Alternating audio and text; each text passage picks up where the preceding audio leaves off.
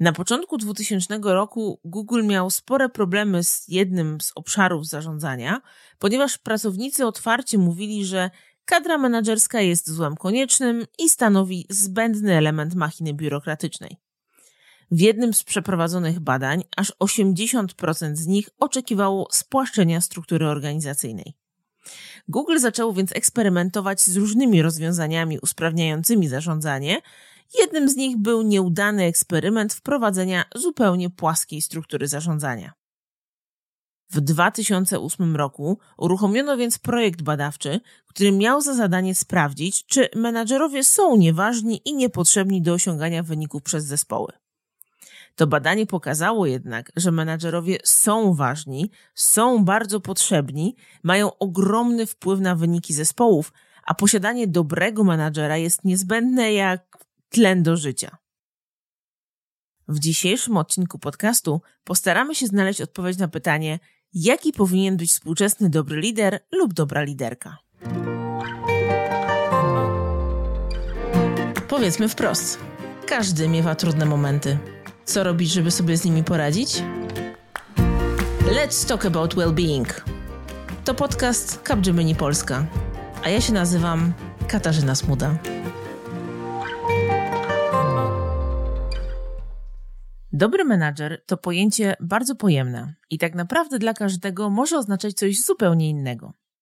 Dlatego do tej dyskusji zaprosiłam cztery osoby z doświadczeniem liderskim, a są nimi Jagienka Zamojska. Capgemini jestem people managerem. Katarzyna Pucułek. Jestem L&D managerem. Paweł Paradowski. Przede wszystkim zajmuję się prowadzeniem projektów. I Rafał Gołąb. Obecnie na takim stanowisku jak Command Center Manager. A rozmowę zaczniemy od pytania, jaki byłby Twój przepis na idealnego lidera? Ja myślę sobie o tym, że e, dla mnie to są dwa takie niezbędne komponenty. I pierwszy jest związany z tym, że dobry szef, dobry lider powinien mieć bardzo wysoki poziom takiej samoświadomości, żeby zdawać sobie sprawę z tego, jak reaguje, jakie ma potrzeby, w jaki sposób funkcjonuje, jaki ma styl zarządzania, w ogóle styl tak naprawdę robienia różnych rzeczy, nawiązywania relacji, gdzie są jakieś e, wyzwania dla niego, a co jest e, czymś, co przychodzi mu łatwo. I to jest y, taka pierwsza bardzo istotna rzecz, e, więc też taki adekwatny wgląd w samego siebie i to tak rzeczywiście realistycznie, tak? Co, jakie są moje mocne strony, jakie są e, te obszary, gdzie potrzebuję jeszcze jakiegoś wsparcia, czy potrzebuję je dalej rozwinąć. I to jest jedna rzecz. A druga rzecz to jest bardzo wysoki poziom takiej świadomości społecznej. To znaczy, że ten dobry lider, dobry menedżer musi umieć się odnaleźć właśnie w tych sytuacjach interakcji międzyludzkich, żeby móc w każdej sytuacji tak naprawdę zrozumieć, umieć rozczytać tą sytuację, tak, co tutaj się dzieje, jakie są potrzeby, co ta osoba mówi, czego oczekuje, potrzebuje. I jak ja teraz w tej relacji mogę w taki świadomy sposób się odnaleźć, i tutaj absolutnie nie chodzi mi o to, co czasem ludziom się wydaje, że powinien robić menedżer, że to chodzi o to, żeby wiedzieć, jak każdego zmanipulować. Absolutnie nie. To bardziej chodzi o to, żeby w świadomy sposób umieć korzystać ze swoich zasobów, tak żeby wejść w dobrą, korzystną interakcję z drugą osobą, żeby to po prostu przyniosło najlepsze efekty dla obu stron, tak naprawdę. I to jest moim zdaniem must have, i tak naprawdę to jest najważniejsza rzecz. Jeżeli to E, miałby lider, to cała reszta to są rzeczy, które można się ich nauczyć, też są jakoś ważne, istotne, potrzebne, ale to jest tak naprawdę esencja i tam, gdzie widziałam przykłady złego leadershipu, złych menedżerów, no to właśnie najczęściej na tych obszarach zawodzili, czyli albo brakowało im samoświadomości, nie byli w stanie zrozumieć tak naprawdę swoich ograniczeń, ani też czasem nie byli w stanie odkryć swoich mocnych stron i ich wykorzystać, a z drugiej strony też y, nie byli po prostu świadomi o co chodzi w danej interakcji, filtrowali to przez jakieś swoje uprzedzenia, emocje, no i to oczywiście powodowało, że zamiast efektywnej współpracy był po prostu chaos i nieporozumienia. Także dla mnie to jest y, absolutna esencja. Dla mnie świetny menadżer to jest przede wszystkim człowiek. To jest człowiek, który potrafi pokazać ludziom wizję, cel, bo ludzie nie lubią robić rzeczy, których się im każe. Oni chcą rozumieć, dlaczego coś robią i lubią wziąć udział w tym ustalaniu celu. Nie lubią robić rzeczy bezmyślnie. Także myślę, że to jest osoba, która po pierwsze jest człowiekiem, a po drugie potrafi ludziom pokazać cel i wizję. Musi to być e, ktoś z stylu coacha, czyli nie osoba administracyjna, zarządzająca, tylko osoba, która potrafi motywować pracowników. Ja takie mam określenie motywowanie bliższe, ponieważ ludzi motywują rzeczy, które są im bliskie i lider potrafi znaleźć takie rzeczy i sprzedać ludziom ten cel, który będzie dla nich motywujący. Potrafią się skupiać na rozwoju ludzi, ponieważ to jest bardzo ważne obecnie, zwłaszcza dla młodego pokolenia, żeby móc rozwijać się. Szef musi być. Nie może być gdzieś nie wiadomo gdzie. I myślę, że ta jego obecność i, i zainteresowanie pracownikiem to będzie, to będzie temat kluczowy. Druga rzecz, która według mnie będzie dosyć istotna, to jest to, że wszyscy jesteśmy inni. E, tu Jagienka powiedziała, że fajnie, żeby menadżer był coachem. Ja się tu odniosę do szkoleń, które my czasem prowadzimy i pokazujemy tam na paru przykładach różne style zarządzania. No i jednym ze styli zarządzania jest taki styl bardzo wojskowy. Jest taki sierżant, wyobraźcie sobie, amerykański, który prowadzi szkolenia i krzyczy na wszystkich ludzi.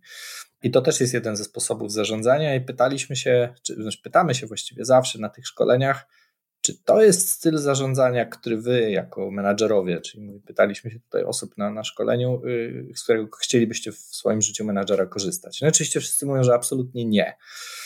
No więc prowokacyjnie razem z moim kolegą mówimy, ależ oczywiście, że taki styl również powinniśmy korzystać w pracy. Wy i zastanówcie się w jakiej sytuacji.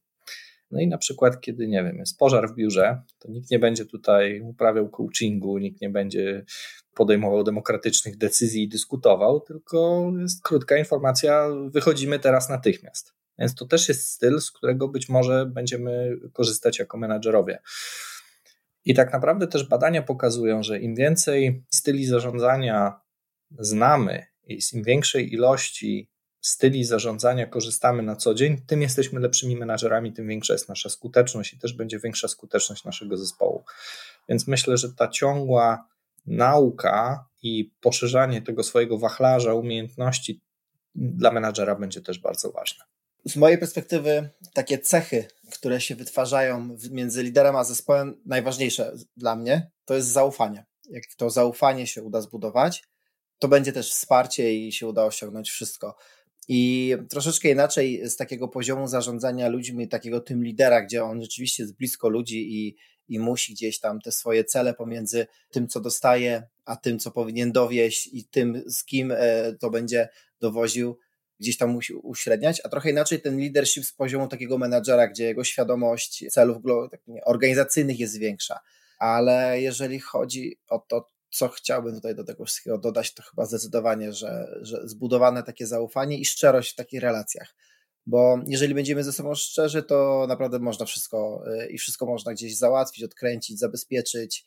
I to bardzo często u mnie, u mnie działa, że w przypadku, kiedy ktoś potrzebuje, żebyśmy my na coś przymknęli oko, albo żeby pójść komuś na rękę, to bardzo często to później oddaje też na zasadzie, że no, przeważnie to nasza firma potrzebuje, żeby ktoś dłużej został i to działa w taki sposób, że że warto o tym pamiętać, że następnym razem nie wiem, nasz pracownik będzie potrzebował mieć wolne dłużej niż nam pasuje, no ale to wtedy my zagryziemy zęby i, i na to się zgodzimy.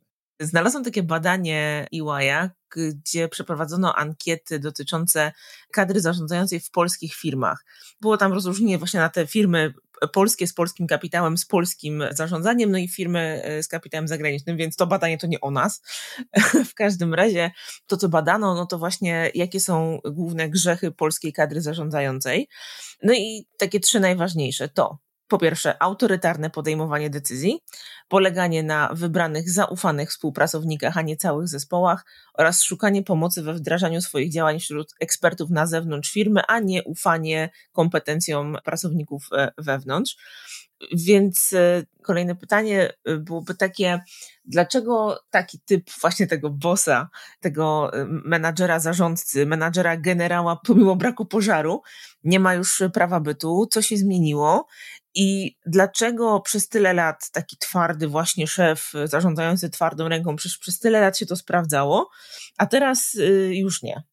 Ja mogę powiedzieć, że troszkę się zmieniło podejście osób pracujących, jednak jest dużo młodych ludzi. dla których inne rzeczy są ważniejsze niż dla starszych pokoleń, dla których może najważniejsza była pewność zatrudnienia, na przykład. Natomiast y, młodzi ludzie chcą się rozwijać, chcą inwestować w siebie i chcą mieć mm, wolność w jakichś obszarach. Z tego co wiem, badania właśnie pokazały, że dużo wyższe wyniki można osiągnąć, e, mając w zespole osoby, które mają wpływ na podejmowanie decyzji, na ustalanie celu, e, są pasjonatami po prostu. Dużo więcej może osiągnąć taki szef. Nawet y, zespół może przekroczyć jego oczekiwania. W momencie, kiedy będziemy zarządzali ludźmi tylko i wyłącznie karząc, oni nie wykonają więcej niż to, co im kazaliśmy, tak? Więc uważam, że zmienił się sposób myślenia właśnie przez młodych ludzi. Ja też od nich wiele się uczę. Wiem, że różne są poglądy na temat tego, że pracują tylko dla pieniędzy. Nie zgadzam się z tym. Mają po prostu inne priorytety i oni zmieniają, moim zdaniem, ten sposób myślenia. Oni chcą, żeby liderzy byli autentyczni, transparentni, żeby ich pociągnęli ze sobą, żeby dali im możliwość rozwoju. Na pewno nie chcą przychodzić do pracy po to, żeby tylko i wyłącznie wykonywać polecenia, których nie rozumieją, które nie są ich. I myślę, że my, e, jak starsze pokolenia, jednak uczymy się od nich, pracując z nimi i też na tym korzystamy, jakby patrząc na inny sposób myślenia. Wiesz co, ten typowy polski szef to jest jakby taki cudzysłów, ale, ale chyba nie do końca cudzysłów, bo on po prostu taki jest. My mamy, czy ja mam ogromne szczęście całego takiego zarządzania ludźmi, a jak tutaj siedzimy, słyszę, że robimy to już kilka lat, nauczyliśmy się w Capgeminie, nie? Czyli gdzieś ten styl zachodni zarządzania, bardzo miękki sposób zarządzania, czasami nawet za miękki, jak z mojej perspektywy, ale, ale okej, okay, niech tak będzie. Oj, ale no, to prze, przepraszam, no. bo ja się wtrącę. Nie ma czegoś takiego jak zachodni styl zarządzania. No, jak zobaczysz sobie na Szwajcarów, akurat y, też mam doświadczenia, to tam masz hierarchiczny sposób zarządzania, bardzo to, to, tradycyjny. To, to, moje doświadczenia zachodniego stylu zarządzania, z którym się spotkałem, to bo znam takie argumenty, no nie, no ale w fabryce to musi być taki twardy szef, bo tam są konkretnie rzeczy, ludzie są tak nauczeni.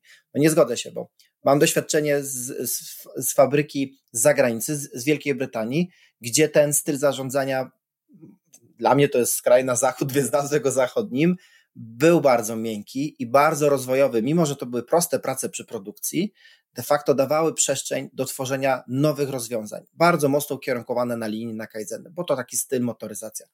Z drugiej strony znowu doświadczenia też po stronie, w stronę zachodu gdzieś amerykański, bardzo taki partnerski.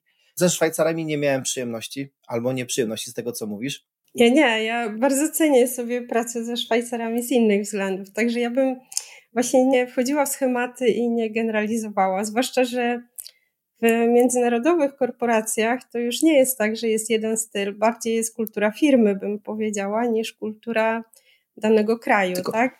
Mam takiego bliskiego przyjaciela, z którym o tym rozmawiamy, dyskutujemy. On zarządza w Polsce Polską swoją własną firmą z ludźmi, ja zarządzam w zagranicznej korporacji i on na przykład pociąga argument, którego ciężko jest mu mi wybić z ręki, bo mówi, że wiesz, no z twojej perspektywy, jeżeli coś się nie uda, no to nie będziesz ponosił tego kosztu, oprócz kosztu czasu przede wszystkim, ewentualnie z zespołu, y, może tam jakiś proces nie dowiedziesz, ale tak naprawdę umówmy się, no co się może stać, nie? No jakby to jest księgowość, rachunkowość, gdzieś procesy finansowe może gdzieś bardziej zaawansowane, no ewentualnie deadline się przedłuży, tyle.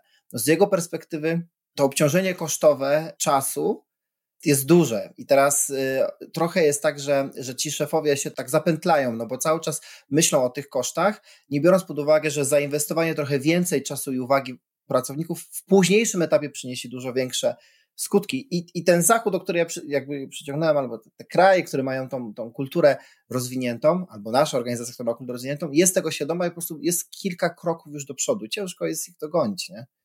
mamy duże polskie firmy, w których mało jest takich, gdzie w rankingach bez employee one się tam będą znajdować, nie?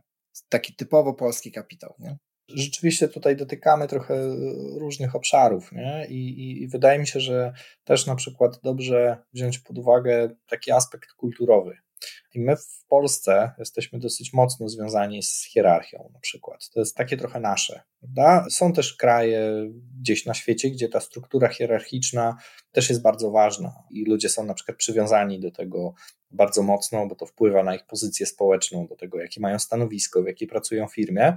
Są kultury, w których jakby jest zupełnie inaczej. Tu taką miałem ciekawą e, historię, kiedy mój kolega zmienił miejsce swojej pracy geograficzne i z zespołu, który gdzieś tam sobie właśnie zarządzał w takim trochę kulturze bardziej hierarchicznej, trafił do Holandii. I mówi, że on jako szef właśnie był przyzwyczajony, że no, mówił tam, dawał jakiś cel zespołowi i zespół tam go sobie jakoś po swojemu realizował. A tutaj nagle zetknął się z sytuacją, kiedy y, właściwie każdy z pracowników mógł do niego przyjść i mówi: a czemu podjąłeś taką decyzję? Czemu my akurat robimy to w ten sposób? I to był taki właśnie przykład braku tej hierarchii i takiego braku wiary w to, że ten szef jest nieomylny, prawda? Szczególnie jeśli, jeśli mamy właśnie, to, to będę podkreślał, jeśli mamy ten taki już dojrzały i doświadczony i senioralny zespół. I on sam powiedział, że dla niego było to ogromnym zaskoczeniem, bo był przyzwyczajony, że po prostu jak coś powiedział, to, to tak było i, i właściwie tam nikt z tym jakoś wiele nie dyskutował. A to mówi, że sam się musiał mocno zastanawiać następnym razem, kiedy podejmował decyzje albo kiedy wyznaczał cele, to sam sobie zadawał od razu to pytanie, a dlaczego? I to mówi, że zostało z nim już, nawet już przestał pracować z tym holenderskim zespołem, natomiast to, to w nim zostało. I teraz, kiedy, kiedy podejmuje jakąś decyzję, to od razu sam sobie szuka argumentów, dlaczego tak, dlaczego nie inaczej, skąd się to wzięło. I przekazuje też swoim ludziom, którymi zarządza, ten taki właśnie, jak my to często mówimy, big picture, taką strategię, taki kontekst trochę tych wszystkich decyzji, co też ma niebagatelny wpływ na, na motywację. Paweł, powiedziałeś o tej wizji strategii dla zespołu, o tym właśnie big picture i chciałam Was o to jeszcze krótko i szybko zapytać, bo też z, zgodnie z jednymi badaniami znalazłam taką informację, że właśnie od kadry zarządzającej, od szefów zespołów pracodawcy oczekują umiejętności w wyznaczaniu celów i delegowaniu zadań. Tymczasem pandemia obnażyła brak umiejętności określenia celu. E, wielu tych szefów zespołów miało problem z odnalezieniem się w nowej sytuacji, bo oderwani od miejsca pracy nie potrafili odczytać oczekiwań kierownictwa firmy i później przełożyć je na konkretne prace zlecane swoim pracownikom. To taki tylko cytat z, tej, z tych badań. No ale właśnie, obserwując też naszą organizację, obserwując chociażby wyniki Pulsa, wiemy, że pomimo tego, że no mamy wizję, misję całej, całej naszej organizacji, to wielu pracowników albo się z tą misją nie utożsamia, albo nie do końca rozumie to pytanie, no bo jak taki bardzo big picture'owy cel na horyzoncie przekłada się na moją pracę, gdzie ja robię tylko jakiś wycinek jednego z procesów. No i właśnie to, to jak przekładać te wielkie cele na pracę pojedynczego zespołu? Dlaczego to jest ważne, żeby o tej wizji i strategii dla samego zespołu mówić często i dlaczego przełożeni też powinni umieć pokazać ten big picture? Zacznę od tego, dlaczego to jest ważne. Jest to ważne dlatego, że to nadaje poczucie sensu. A tam, gdzie mamy to poczucie sensu, e, to bardzo nam załatwia motywację do działania. I wtedy to poczucie sensu zarówno będzie miał lider, jak i to poczucie sensu będzie miał zespół, więc e, to jest e, super istotne. I dlaczego to powinien robić lider? Dlatego, że on jest najbliżej swojego zespołu i swoich ludzi. Jeżeli nawet nie wie jeszcze, jak przełożyć ten duży obrazek na ten swój mniejszy obrazek, to wie, jakich ludzi ma, tak? Jakie ci ludzie mają e, zasoby, jakie mają ambicje, i on ma tak naprawdę największą wiedzę w takich szczegółach, co może zrobić jego zespół, jak działa jego zespół i czym się zajmuje. Więc to rzeczywiście lider jest najlepszą osobą do tego, żeby taką mikrowizję wyznaczyć.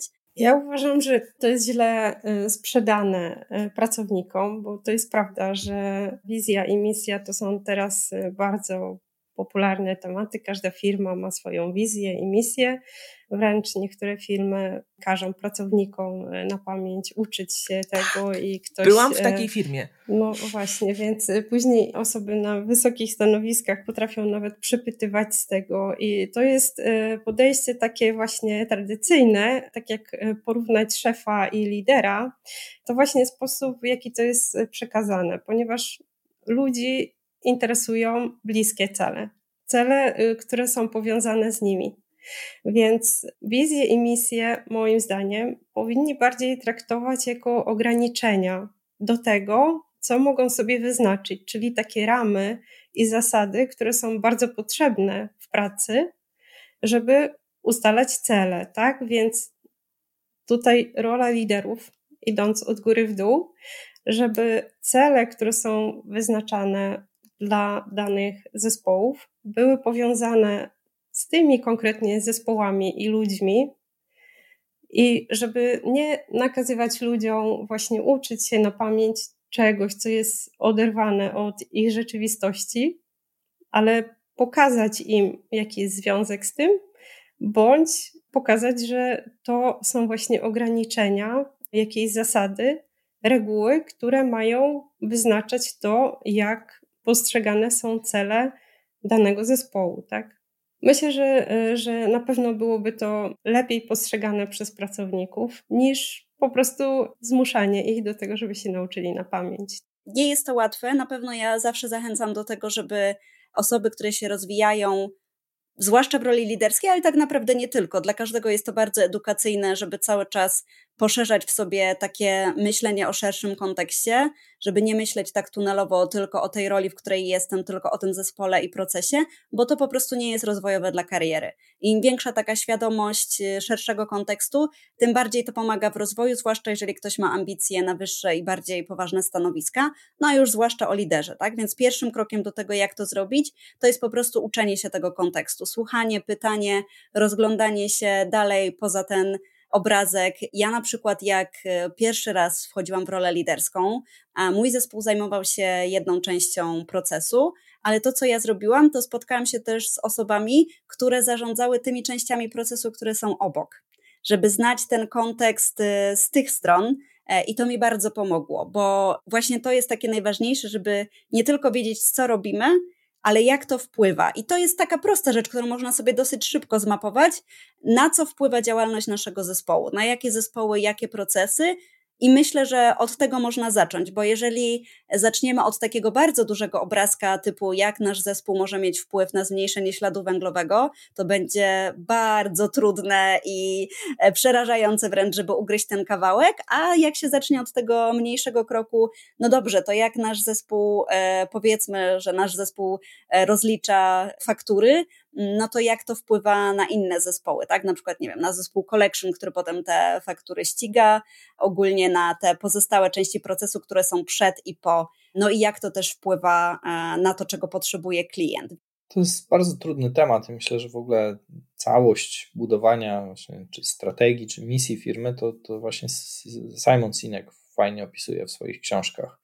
Na ile to jest trudne, na ile też trzeba być konsekwentnym tutaj w działaniu, bo jasne określenie misji firmy może spowodować, że właśnie część osób z firmy odejdzie, bo stwierdzi, to nie jest miejsce dla mnie. Prawda? I tutaj też może być taka trudność pracodawcy, który powie, no ale to, to może szkoda tych ludzi stracić. No więc e, wdrażanie też potem tej misji rzeczywiście w życie jest też trudne, bo ono też wymaga bardzo wielu kompromisów i też trudnych decyzji. My też mamy trudną organizację, bo ciężko powiedzieć, czym się tak naprawdę ludzie zajmują u nas w. Nie? Jest tak dużo i tych wątków jest tak sporo i dostarczamy tak dużo różnych serwisów, że żeby to wszystko scalić, to jest trudne jakby. No bo mamy dużą organizację, która jest y, no, skomplikowana tak, w, swojej, w swojej strukturze. Różne osoby będą czymś innym się zajmować i, i dla niektórych ta misja i wizja będzie bardzo namacalna, a dla niektórych będzie zupełną abstrakcją. Mhm. Ja tutaj postawię kropkę, dlatego że chciałabym przejść dalej, a e, taką rozmowę e, na temat misji i wizji możemy jeszcze długo, długo ciągnąć, bo rozmawialiśmy o tym, co robić, żeby być tym świetnym menadżerem. Rozmawialiśmy o tym, jakie są te grzechy polskich szefów. Rzeczywiście to już na trochę wyższym e, poziomie, natomiast nadal. Ale zanim skończymy, chciałabym Was poprosić o jedną rzecz, bo tego odcinka będą słuchać e, na pewno osoby, które są w roli jakiegoś przełożonego, ale nie tylko. I e, pytanie, co nasz słuchacz, może będą dwie rady, jedna dla przełożonych, a druga dla e, podwładnych. Co nasi słuchacze powinni zrobić po przesłuchaniu dzisiejszej rozmowy jako taki pierwszy krok, czyli przesłuchałem tego odcinka i od was call to action, żeby być lepszym człowiekiem. Nie wiem, co by to było? To ja powiem, że zarówno do osoby, która zarządza zespołem, to jest pytanie, które, które często też zadaję na rozmowach rekrutacyjnych. Jeśli ci pokażę, że to jest twój nowy zespół, to co będzie pierwszą rzeczą, jaką, jaką z tym zespołem zrobisz? I podobnie, jeśli trafi do nas na przykład ktoś, za kogo będziemy odpowiedzialni jako menadżer liniowy, to sugeruję się z tymi ludźmi spotkać. Może z zespołem pójść na to przysłowiowy lunch albo, albo piwo i, i zarówno z tym, z tym człowiekiem, za którego jesteśmy odpowiedzialni liniowo, po prostu się spotkać. Nie po to, żeby ustalić cele roczne, tylko żeby się poznać. I to, co jest też istotne w budowaniu tej relacji, to zachęcam do tego, żeby na początku dać coś od siebie. Przyznaję się, że właśnie miałem takie spotkanie z, z jednym jakiś czas temu z jednym z menadżerów, którego nie znałem do tej pory, a z którym wiedziałem, że będziemy dosyć blisko pracować. Więc e, zamiast mówić na początku o projekcie na pierwszym spotkaniu, to porozmawialiśmy sobie o nas. Gdzie kto mieszka, czy ma pieska, co lubi. I jakby ta, ta świadomość, że z drugiej strony jest ktoś, kto ma psa, dwójkę dzieci i też lubi jeździć na motocyklu, od razu zwiększyła tą, tą, tą naszą relację i ułatwiła nam współpracę. Podobnie będzie w zespole, więc to jest sugestia ode mnie. Spotkać się i pogadać. Ja też uważam, że najważniejsza jest komunikacja we wszystkim tak naprawdę w życiu, w pracy, na każdym stanowisku. Więc też poradziłabym, żeby być człowiekiem i żeby być otwarty i właśnie nie szufladkować i nie schematyzować, że albo z tych kultur to ludzie są tacy, a kobiety są takie, a pokolenie y, takie jest takie. Uważam, że to jest y, błędne i tak naprawdę jesteśmy bardzo różnorodni i trzeba być otwartym, trzeba słuchać, y, nie szufladkować i najpierw poznać daną osobę, a później dopiero wyrobić sobie opinię. Może tak. To byłaby taka autorefleksja. Czyli siadam, najlepiej spisuję, bo jeżeli ktoś nie ma doświadczenia w autorefleksji, to spisanie jest tutaj jednak dużo lepszym medium, bo angażuje po prostu też więcej naszych obszarów mózgu, więc jest to bardziej efektywne. I spisać sobie po prostu, jaki ja jestem w tej roli lidera, co jest dla mnie wyzwaniem, w czym się czuję dobrze, co chcę osiągnąć dalej, właśnie jaki jest dla mnie ten sens tej roli, jakie jest to moje why. I to myślę, że jest taki pierwszy krok, a reszta pójdzie dalej.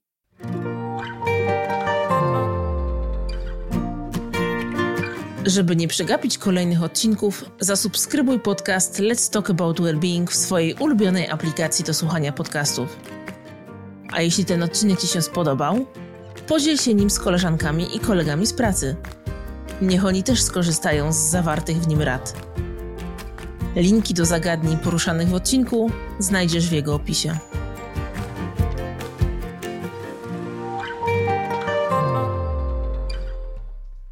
Jeśli chcesz dowiedzieć się więcej, polecamy książkę Inteligencja emocjonalna Daniela Kolmana. A w temacie budowania świadomej współpracy ja zawsze polecam książkę Mój szef jest idiotą Eriksona Thomasa.